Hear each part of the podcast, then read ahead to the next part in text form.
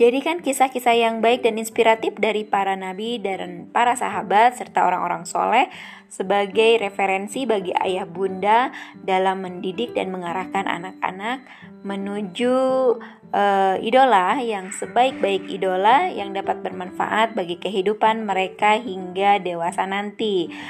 Setiap hari Umi Yasrin akan menemani ayah bunda membersamai anak-anak dengan kisah-kisah inspiratif dan dapat membangun uh, kedekatan dengan anak melalui kisah. Di podcastnya Umi Yasrin berkisah.